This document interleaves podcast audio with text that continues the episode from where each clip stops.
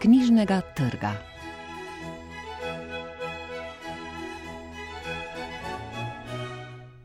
Dobar dan, v oddaji iz knjižnega trga bomo tokrat govorili o knjigi dopisovanj Mance Košir na govori tišine, pesmih Malgoržate Lebda v zbirki Žetov, kriminalnem romanu Raymonda Chandlerja Veliki spanec in esejih Petra Kovačiča Pršina Etos prihodnosti. Recenzije so napisali Niva Skovač, Katja Šivkovič, Marko Golja in Marija Švajcer. Odajo začenjamo z nagovori tišine. Tako je namreč naslov zbirke dopisovan Mance Košir s šestimi precej raznovrstnimi ustvarjalci. Skupno jim je premišljevanje v tišini in tudi o tišini. Knjigo je izdala založba Mladinska knjiga, ob njej razmišlja Niva Skovač. Novinarka, profesorica, pisateljica in pesnica Manca Košir je avtorica številnih strokovnih člankov in knjig. Svoje polliterarno pisanje pa je gotovo našla v dopisovanju. Leta 1991 v ženskih pismih, skoraj deset let pozneje v pismih z Dušanom Jovanovičem, moški ženska, sledila so moška pisma, drugačna razmerja, na to darovi minevanja, človeška ljubezen in druge. V nagovorih tišine se je povezala z različnimi ustvarjalci, z Joni Zakonček, Dušanom Šarotarjem, Robertom Dolinarjem, Irom Zorkom, Tomijem Janežičem in Vesno Velkovrh Bokilica. V enem izmed pisem Tomiju Janežiču konec leta 2020 pojasnjuje. Naj ti povem, kako se je rodila zamisel za tole našo knjigo Nagovori tišine. Kot vedno sem zaslišala glas, ki mi je v jutranji spremenjeni zavesti ukazal: Zdaj boš pisala novo knjigo Epistol. A ja, a še nisem končala, saj je že šest objavljenih, sem ugovarjala. Kakšen bo pa naslov? Nagovori tišine. Kdo bodo dopisovalci? Evo vas. In kakšne barve bo knjiga? sem vprašala glas, saj jaz svoje knjige vidim v barvah modre. Simbolika z dopisovalci je polna modre barve, a kot pravi pisateljica, ni barva ključ dopisovanja, temveč tišina, občutanje časa, ker si vsak izmed ustvarjalcev vzame čas in hiti z delom zavedanje narave, poezije, mavka. Prav zaradi teh sorodnosti so vsi dopisovalci večinoma zapriseženi tišini in s tem mavku. V pismih jih izražajo na svoj blagi način. Če tudi hoče avtorica izvedeti več o tišini, ji dopisovalec na začetku odgovarja. Ti me torej vabiš, da se pogovarjava v tišini? Ob takem predlogu najprej pomislim, ali ne bi bila potem more biti kar tiho, ali pa si ne mara izmenjava nekaj pisem brez črk in brez besed, ali pa se kljub že izrečenemu še ne poznava dovolj, da bi bila kar tiho.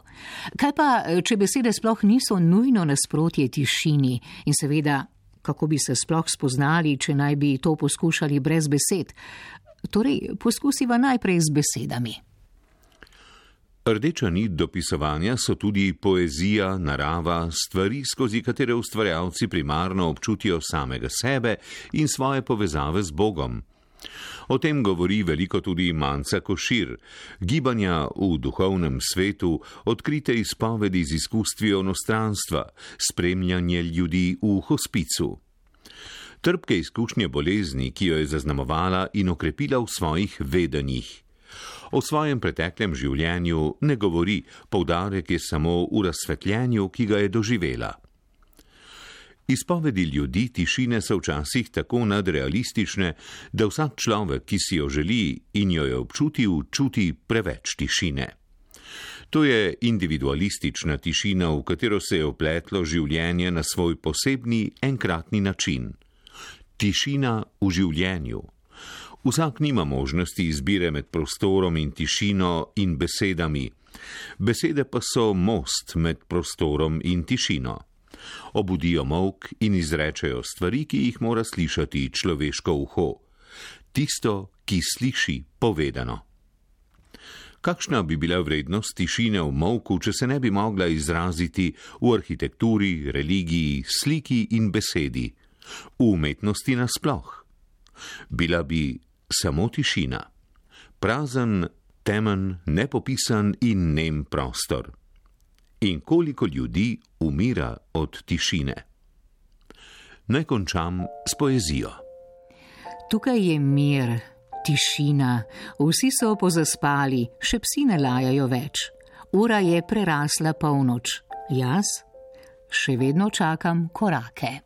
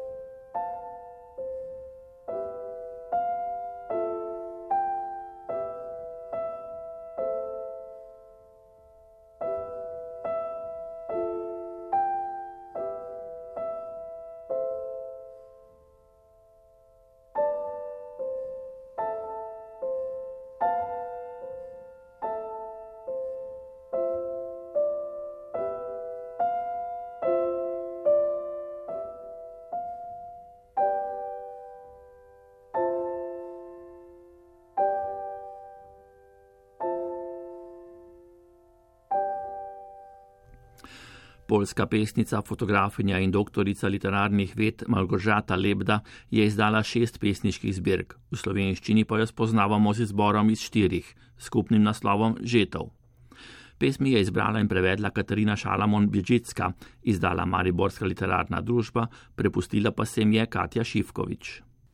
Psi so bili tiho kot še nikoli, vsa ta drgetajoča krdela, mogoče zato, ker se ta smrt, čeprav zagotova, ne bi smela zgoditi.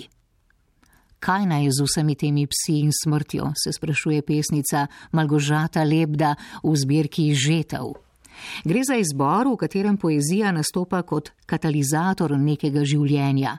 Vsaka pesem ima močan čustveni naboj, ki najbrž izhaja iz iskrenosti in odkritosti ter iz avtoričine sposobnosti, da s fotografsko jasnostjo in občutkom minljivosti vseh zemeljskih stvari ujame krvave trenutke v času. Malgožata Lebda je polska pesnica, doktorica humanističnih znanosti in dobitnica več prestižnih nagrad za svojo poezijo.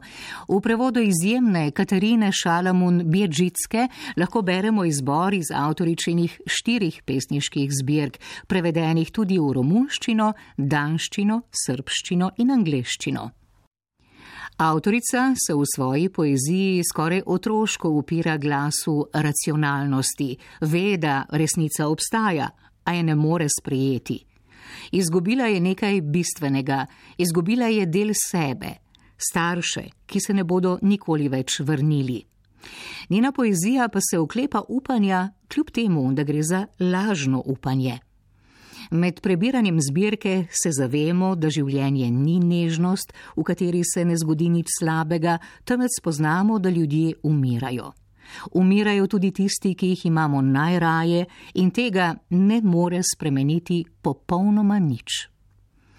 Malgožata Lebda v poeziji išče, kaj pomeni biti brez nadzora. Nekatere pesmi se zdijo kot prvobitne podobe, tuleči psi, gost, kri, smrt, izgubljenost, rituali. Pod grozljivimi prizori krvavega in temnega gozda se skrivata otroška radovednost in želja po resnici in lepoti. Njene pesmi govorijo o teži izgube, žalosti, zapuščenosti, travmi, vendar to ne vodi v nihilizem ali v apatijo do življenja. Pesnica k smrti pristopa kot k vstopu in ne kot k zaključku, v tem pa se tudi skriva mojstrstvo njenega pisanja. Slog njenega pisanja je nekje jedrnat in suh, drugot silovit in buren. Eni globoki misli že sledi druga in znajdemo se v gosto nasičenem stanju duha in pokrajine. Pesmi so neverjetno intimne, polne krvavečih ran in vsega, kar pride s celjenjem teh ran. To v poeziji vedno cenim. Gre za sodobno in prav nič ekskluzivno ali s patosom prepojeno pesnico, ki mnogi učitajo, da se bo šele s časom pokazalo, če se vsega je sposobna. Jaz pa pravim, da je njena poezija točno tam, kjer mora biti in da če Malgožata Lebda nikoli več ne napiše niti verza, je napisala dovolj.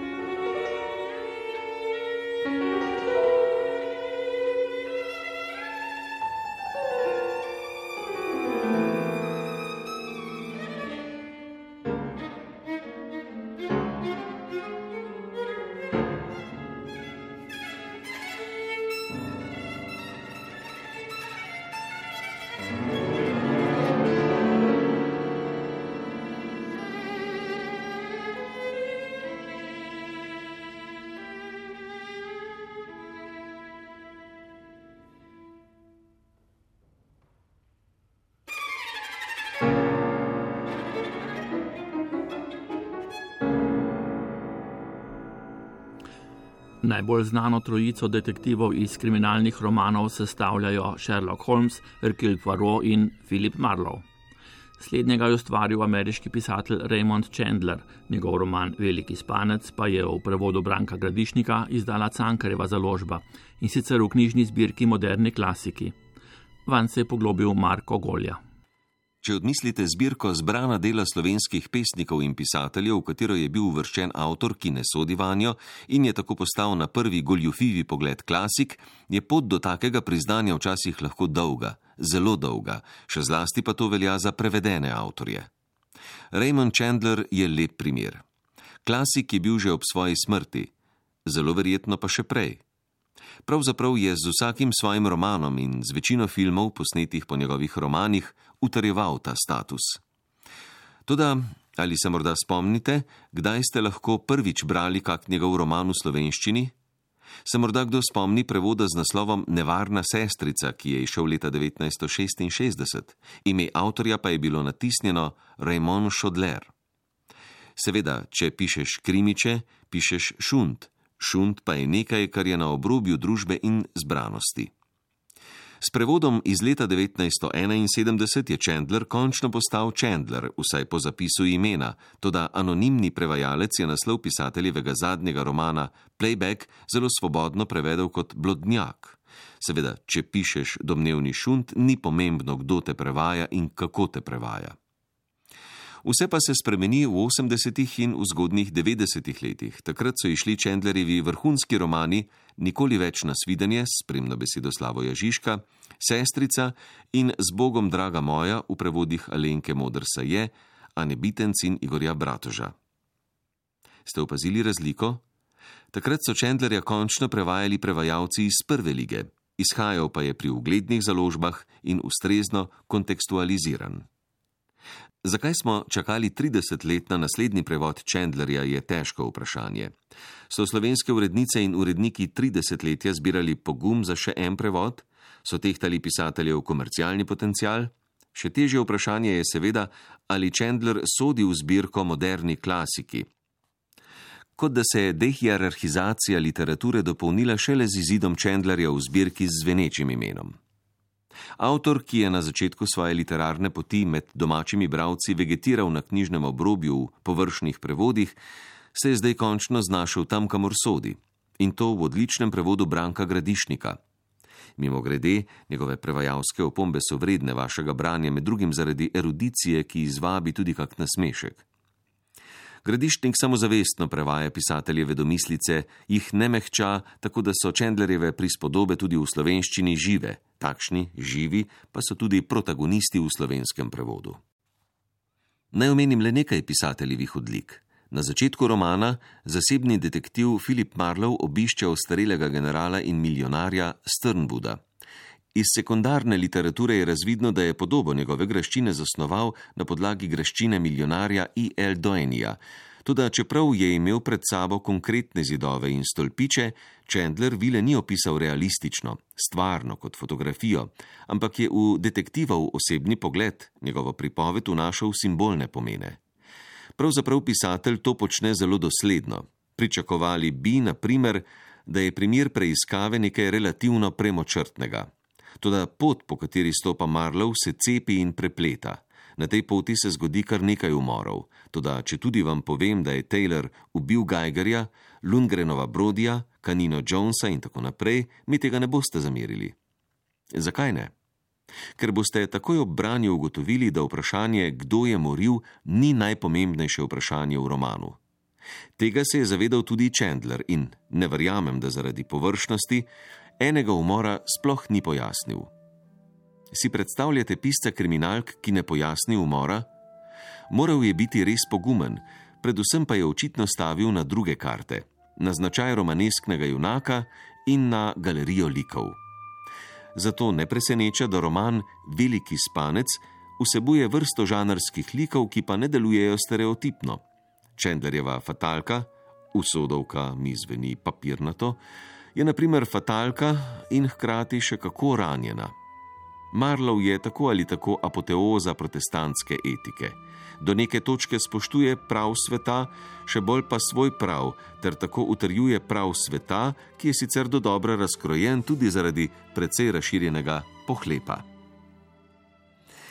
Je bila odločitev za izid Chandlerjevega romana Veliki spanec priznanje avtorju, ki si priznanje zasluži, ali založniška preračunljivost ali kaj tretjega, je ta hip nepomembno vprašanje. Ali se Harold Bloom obrača v grobu ali ne, prav tako. Dejstvo pa je, da smo z vrhunskim prevodom Branka Gradišnika dobili enega boljših ameriških romanov o razkrajanju sveta sredine 20. stoletja. Pripis: Na prevod čakajo še Chandlerjeva romana in njegove kratke zgodbe.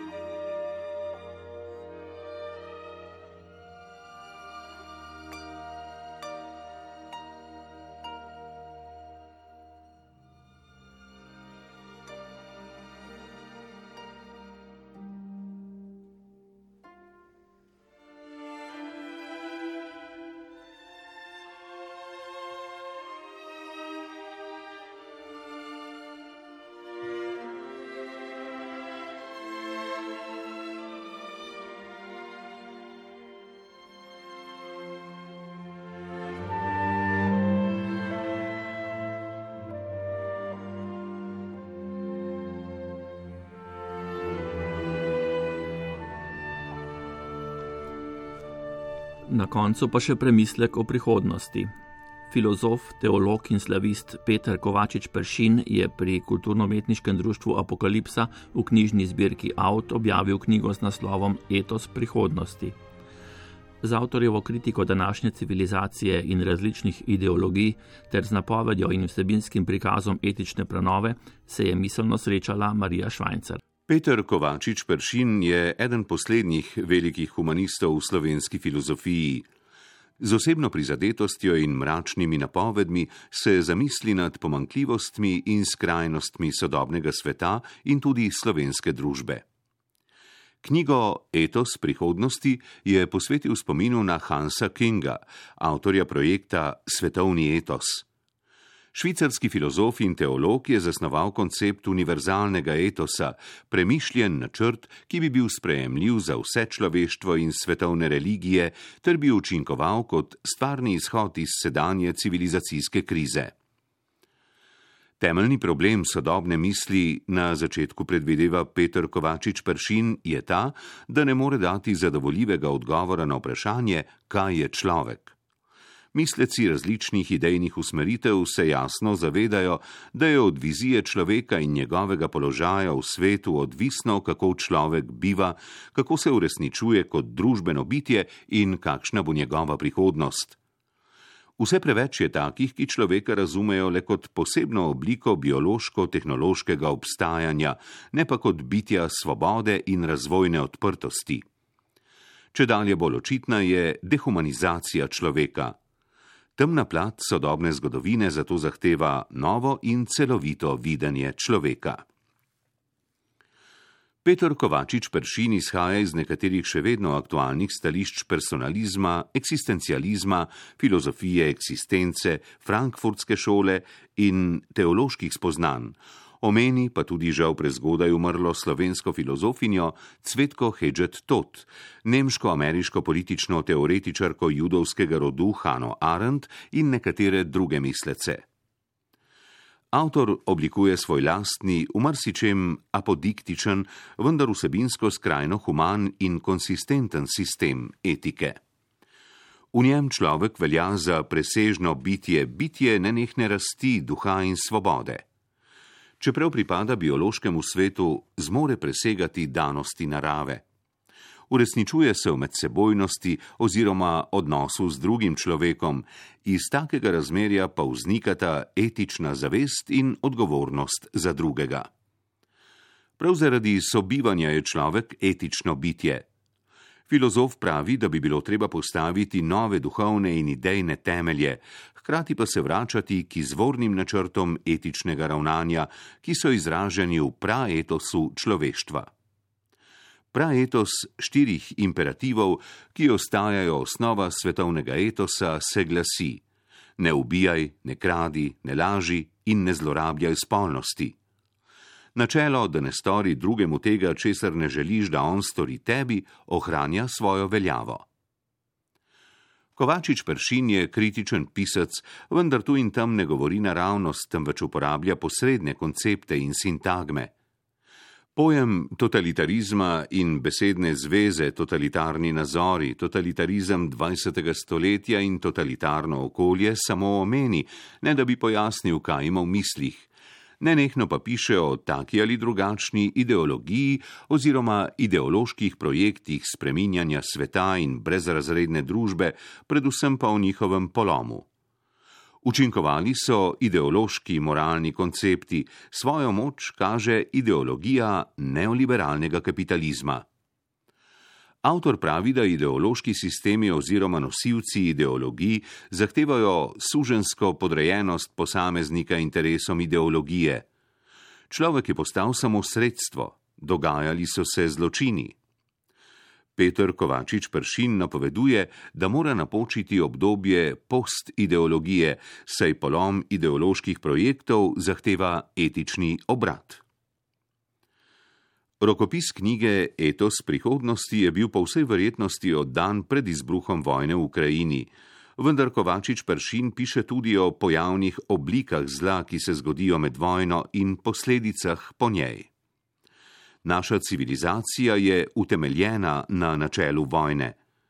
Teoretik verjame v pomen in učinkovitost vzgoje, tudi vzgoje za mir.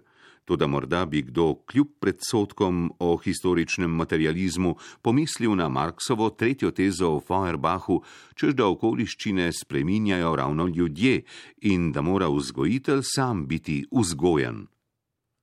Pobuda za prevratno prakso, ki je navedena na koncu te teze, se seveda ne ujema z avtorjevimi stališči, saj pravi, Globalno krizo bomo lahko rešili le s svetovnim projektom moralne prenove, ki bo zajela celotno človeštvo. Avtor priznava, da je ta vizija morda videti neuresničljiva utopija, tudi v resnici je po njegovem mnenju to edina pot, da človeštvo kot biološka vrsta preživi. Veliko besed namenja ohranjanju narave, poglobljeno pa piše tudi o pravnih, verskih in duhovnih vidikih.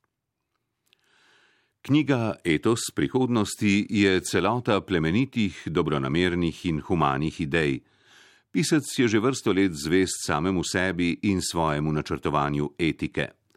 V lepem slogu in iskreni zagnanosti načrtuje boljši svet, opozarja in predlaga, prav dobro pozna vzroke in posledice slabih dejanj na svetovni ravni in v osamosvojeni Sloveniji, a še vedno ustraja pri prepričevanju in razsvetljevanju tistih, ki jih vodi nagon po oblasti, tako ga imenuje sam, koristoljubje, izkoriščanje, poniževanje drugih in sebični interesi. Lahko bi se vprašali, zakaj bi se ti ljudje, ki jih razkrinkava, spremenili in postali drugačni, dobri, pošteni, odgovorni in človekoljubni, če pa so s svojim egoističnim položajem čisto zadovoljni. Petr Kovačič Pršin zatrjuje, da ne gre za moralizem, temveč za streznitev in etiko preživetja. V vse zajemajočem polomu najbrž ne bo izbrancev, ki bi preživeli.